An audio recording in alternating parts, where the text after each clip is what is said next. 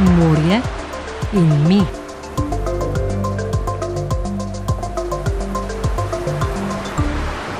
Poklic je bil vedno težek, ampak nekako mlad človek, ki je bil radoveden, vsekakor je nekako silil na morje, ker je bil edini poklic, ki ti je dal možnost videti cel svet in tudi nekaj zaslužiti. Bruno Volpi Lisjak ali Lisjak, kot sam želi izgovorjavo primka, je bil med prvimi slovenskimi diplomiranimi pomorščaki, ki so šolanje zaključili na pomorski šoli v Piranu, no ta se je potem k malu preselila v Portorož.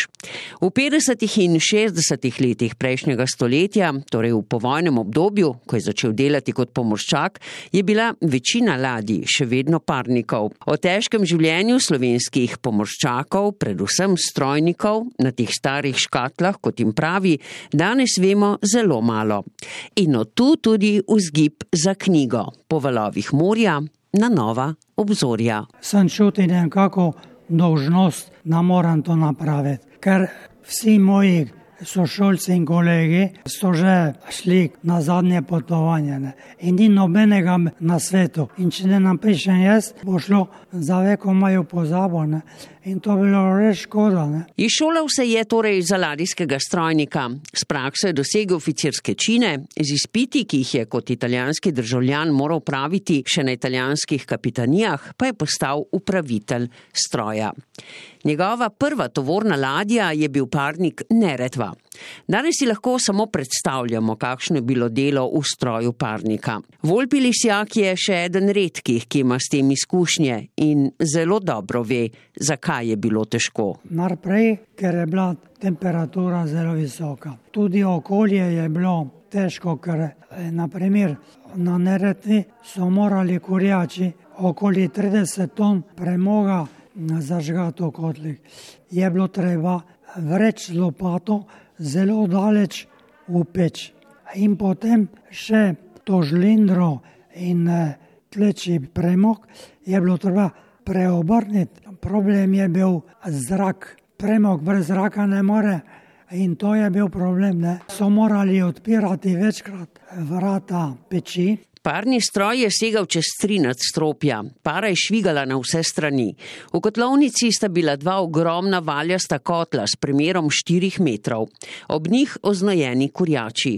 Zdelo se je, da se nahajam v Dantevem peklu, opisuje svoje prvo srečanje s parnim strojem.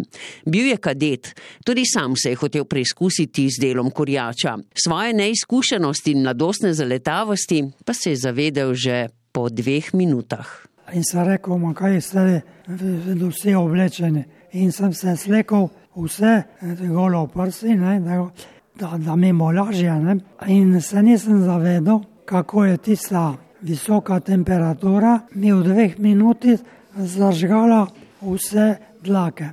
Korjač je rekel, se videl neumneš, kaj smo ti rekli mi, me drži na sebi oblekone. Na pobudo svoje žene občutljive bravke, kot pojasnjuje, je dolgočasne podatke o ladijskih strojih v knjigi kmalo zamenjal z bolj sočnimi doživetimi dogodki. Med drugim ga je navdušil japonski način življenja. Zato, ker tam ljudje so drugačno mentaliteto. Ne? In tam res eh, sem videl, kako ljubijo naravo in jo ščitijo. To je najbolj važno. Naprimer, sem hotel videti ne Tokio, ampak staro predsolnico Nara. Tam po ulicah srne hodijo svobodno in ljudi hranijo, zato ker še mislijo po stari tradiciji, da jih je Bog oziroma boginja pravijo poslala na zemljo. Doživel je tudi enega največjih tradicionalnih praznikov Japonske, praznik plodnosti. Ja, in kaj hočem povedati? vse o, o festivalu penisa. ja, imajo ogromno festivalov na japonske, med katerimi je tudi festival plodnosti. In res ženske čisto drugače mislijo kot naše. Kratko rečeno, ščitijo faluse, penise, zato ker znajo, da jim bo dal novi rodne otroke. Na njegovo presenečenje pa je prvi založnik, ki ga je izbral za izdajo knjige, zahteval, da prav odlomke o prazniku plodnosti na japonskem umakne iz knjige. Ko je vse pogledal, je rekel: Ja, zelo zanimivo, ampak to ti ne moramo natisniti. Ti natisnimo, če cenzuriramo, moramo odrezati vse proti tisto, ki ne gre. In hvala Bogu, sem našel Mitjo, ki je bil zadovoljen, da je izdal to knjigo. Torej, vidite, tudi to je bila cenzurirana. Knjiga je na to brez težav in seveda brez vsake cenzure išla pri založbi Osminka and Company Mitje Zupančiča.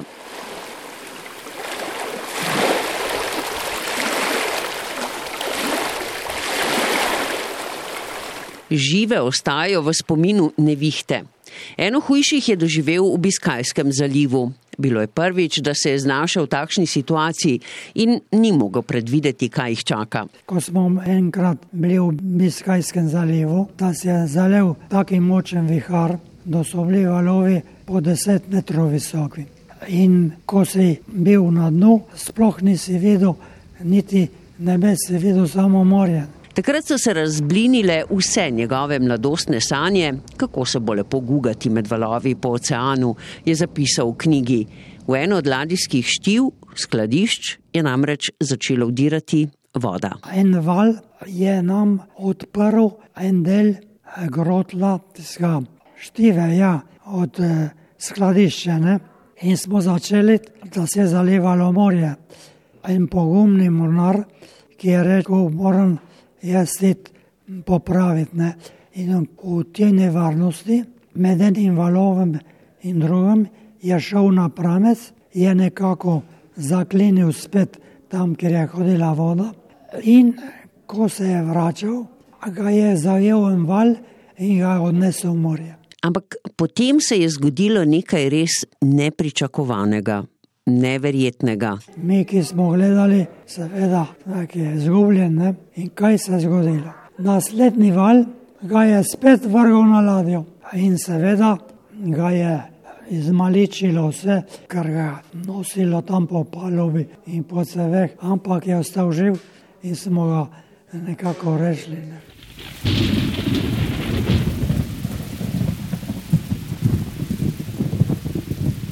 Pet dni so bili prepuščeni na milost in nemilost naravi. Vse, kar so si želeli, je zapisal, je bilo zagledati vsaj eno mirno točko, še posebej svetilnik na otoku Ušant. Bil je znak, da so se prebili skozi najnevarnejši del poti. Del poti, kjer se je leta 1978 nasedli tankera Moko Kadis prelomil na tri dele.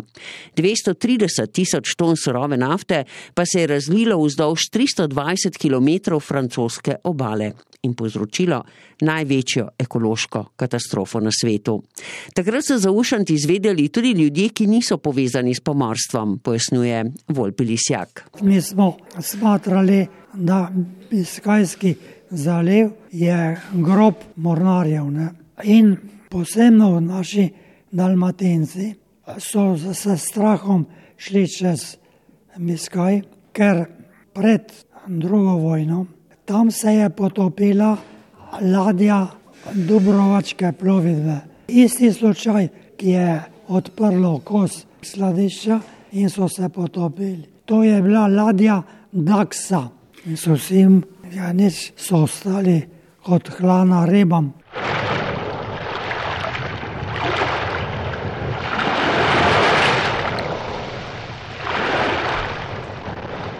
Čisto drugačno izkušnjo je doživel na drugem potovanju v Anglijo. Mimo Portugalske in Španije in čez ves Biskajski zaliv jih je spremljalo tako imenovano mrtvo morje. Dolgi valovi brez vetra so bili posledica hude nevihte, ki je nekaj dni pred njihovim prihodom divjala po severnem Atlantiku. V Rokavskem prelivu jih je zajela megla. Spominja se oglušujočega trobljenja ladij, s katerim so opozarjale na svojo prisotnost.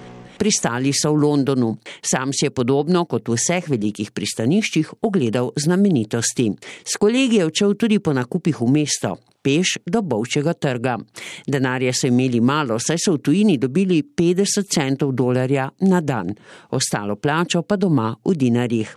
A si v Londonu lahko še kaj zaslužil, mimo zakona, če ti je seveda uspelo. Nekateri pa, ki so bili bolj korožni, so se ukvarjali s kontrabandom. Carina za cigarete je bila visoka ne? in tam se je dalo zaslužiti, ampak je bil vedno veliki risk. Ne? da so te ulovili. In že, ker smo pri tem, da vam povem, kaj se je meni zgodilo. Imeli smo plovbo Tanger, Anglija. In v Tangere so bile cigarete zelo poceni, ne? no v Angliji zelo drage. In ko sem videl druge dela, sem tudi jaz kupil en par Chesterfield in Lucas Rake je bil, se spominjam. In na menu nam kaj zaslužil, ko smo prišli v Anglijo je takoj prišla carina z angliška na ladjo in je rekla javno kapitanu, mi znamo, da na vaši ladji v Tanžeri ste ukrcali toliko štek cigaret, ker mi imamo vohune tam. Angliški vohun je že vse zvedel, ne, koliko cigaret je šlo na ladji. Angliške oblasti so kapitanu naročile naj obvesti posadko, da imajo podatke o količini cigaret na ladji.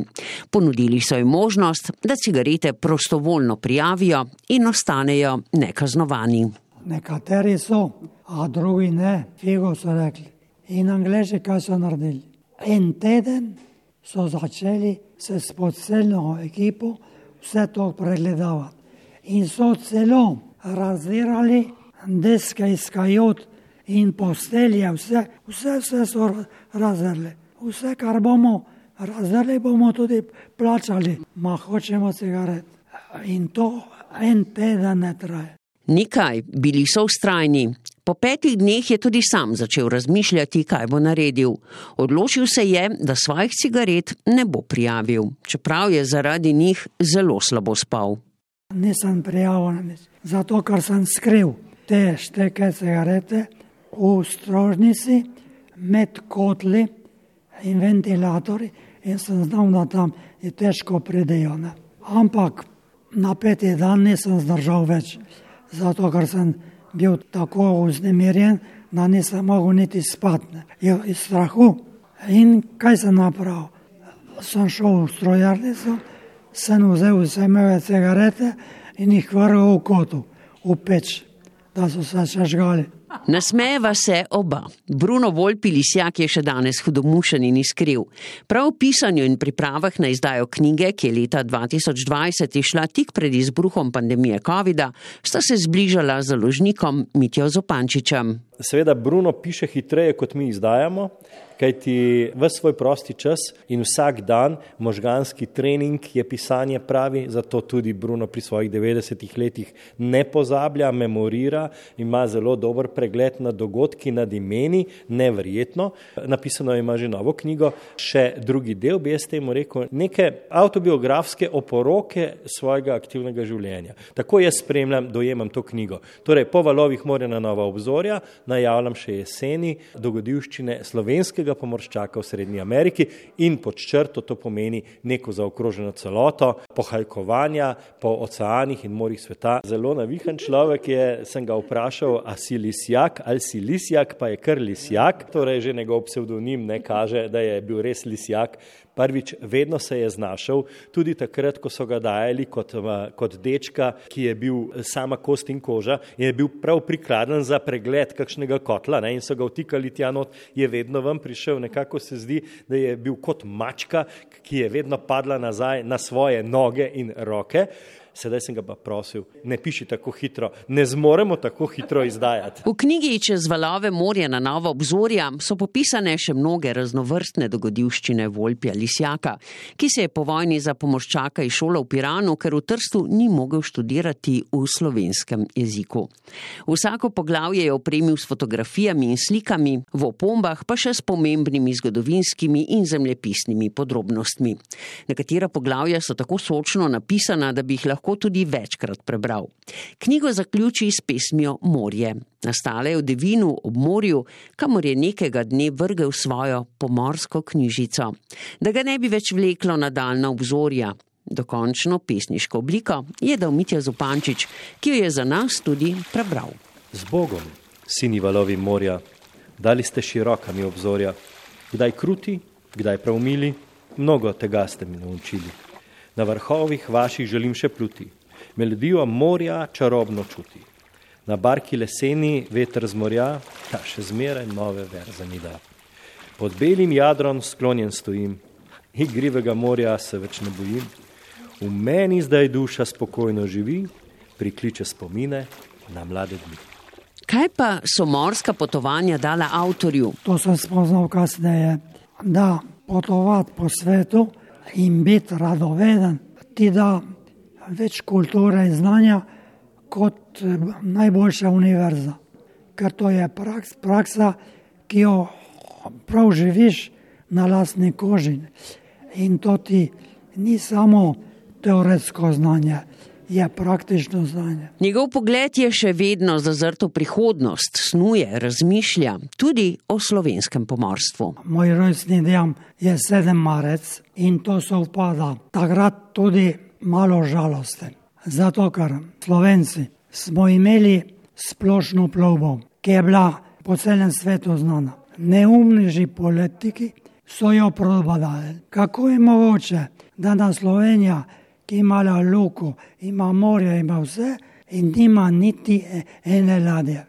Z razliko od Švice, moji prijatelji Slovenci so pluli na švicarskih ladjah. Švica ima mornarico, najsodobnejšo na svetu in nima morja. Kako je to mogoče? Dajte, prosim, napravite kaj, kažno ljudsko inicijativo, da se nekaj premakne, da saj eno ladjo z eno slovensko zastavo, ker sem prepričan, da bi lahko privabili druge ladjarje sem, če mi nimamo naš kapital, kot delajo druge države. Torej, pomagajte, da nekaj se nekaj eh, rodi. In tu zaključujemo današnjo oddajo Morje in mi. Najdete jo tudi na podcastih RTV Slovenija. Slišimo se čez teden dni. Morje in mi.